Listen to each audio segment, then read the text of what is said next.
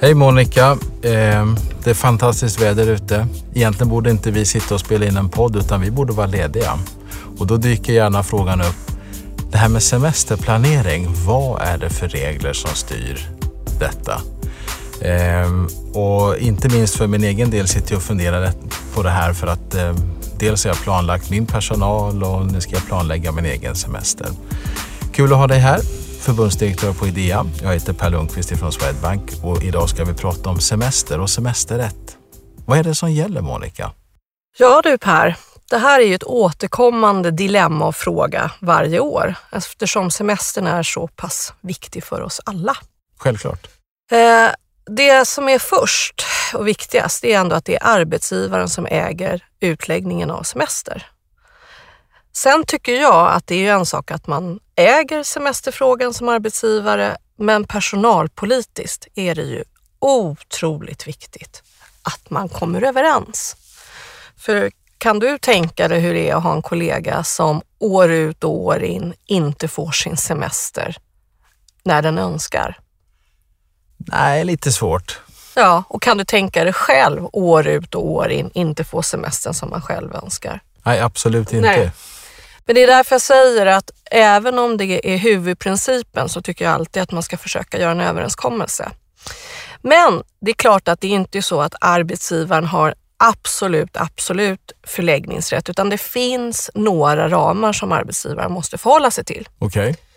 Och det ena är att om man inte har kommit överens om något annat så har den anställda alltid rätt till en huvudsemester. Och huvudsemestern, det ska vara sammanhängande och den ska vara fyra veckor lång och förläggas under juni, juli eller augusti månad. Okej, okay, så fyra veckor sammanhängande under sommaren. Det ska jag förvänta mig. Det kan du som anställd alltid begära och ha rätt till om ni inte kommer överens om någonting annat. Okej. Okay. Eh, dessutom så är det ju så att du ska kunna planera din semester i god tid. Mm. Så även där är regeln att kommer ni inte överens om något annat så ska, den, ska arbetsgivaren tala om för den anställda två månader innan semestern läggs ut. Det är ganska lång tid innan. Ja, men tänk om du nu skulle planera att hyra en stuga ute i skärgården eller vad det nu kan vara, så måste ju du ha en planeringstid och veta att okej, okay, jag kan göra det utan att semestern ändras. Så två månader, ja, det är lång tid, mm. men det är de två parametrarna man ska hålla, eh, förhålla sig till. Det låter bra. Ja.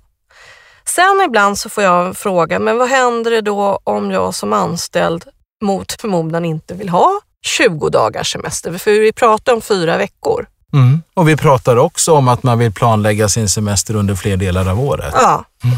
Och det betyder att om vi då ska planera att ha semester någon annan del av året, ja då är det arbetsgivaren och anställda som måste komma överens. Så du kan som anställd aldrig tvinga fram någonting annat än just de här fyra veckorna under juni, juli, augusti.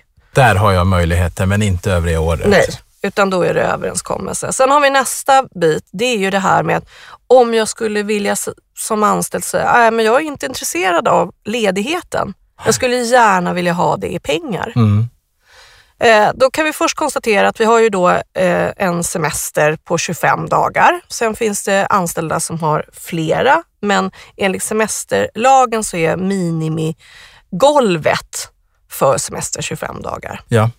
Och där har man också sagt att de som är utöver de 20 dagarna, de har man möjlighet att spara om man har betald semester. Okej. Okay. Och det är ju då svaret på att du som anställd kan inte heller säga att nej, men jag skulle vilja få ut dem i pengar. Eh, eller 15 dagar i pengar och 10 dagar i semester. Nej. Det går inte. Nej. Och anledningen är att varför kom semesterlagen till? Det måste varit för att vi ska vila upp oss. Ja, det är ju det. Mm. Det är ju rekreationen. Och ibland tappar man fokus kring semestern. Att mm. det, är, det är just rekreation. Och jag brukar säga att som arbetsgivare måste man också säga att jag tänker på din arbetsmiljö och du ska vara hållbar under hela året. Ja. Och jag tror inte att du som anställd kan vara hållbar om du till exempel bara tar ut tio semesterdagar per år. Nej. Så ja, Om man pratar semester så tycker jag man ska komma ihåg att man har rätt att veta två månader innan Ja. när semestern ska läggas ut. Ja. Och då i praktiken betyder det att någon gång i april, Mm. Då ska det vara klart. då ska det vara klart. Då ska man veta. Det är arbetsgivaren som lägger ut under året, men du som anställd har rätt att begära fyra veckors sammanhängande Mm. under sommarmånaderna Ja. och sen resten av dagarna eller hur det är att man kommer överens. Mm. Ganska enkelt egentligen. Ganska enkelt, men det blir oftast ibland diskussioner och jag tror att det handlar om när man ser som anställd att ja, jag får aldrig den semester som jag har önskat. Nej. Vad tråkigt. Mm. Så personalpolitiskt fundera alltid på att försöka hitta så att alla förstår varför man får, kanske inte just det här året, toppönskemålen kring semestern. Mm. Men att man faktiskt också talar om att nästa år så är det din tur om man har flera medarbetare. Mm. Jag tror också det här med två månader i förväg för att går jag till min egen situation så blir det väldigt ofta så att man vill in i det längsta planera hur kommer kunderna att fungera, hur kommer övriga avdelningen att, att fungera och så vill man ge besked ganska långt in i själva semesterplaneringsprocessen och inte minst med tanke på att många sitter och ja, väntar på blir det bra sommarväder, ska jag ta en sista minuten-resa? Men då är det alltså väldigt viktigt att förhålla sig till två månadersregeln som en, egentligen en hänsyn till alla. Ja, både för verksamheten, såklart att vi ska kunna planera så att inte eh, en vecka så kommer det upp och det är fyra stycken som vill ha semester sista minuten samtidigt. Mm. Men också för individen, att den också kan planera. Jättebra. Så sammanfattningsvis, jag har som anställd rätt till att få fyra veckors sammanhängande under sommarmånaderna. Övrig tid på året så ska det egentligen överenskommas. Exakt.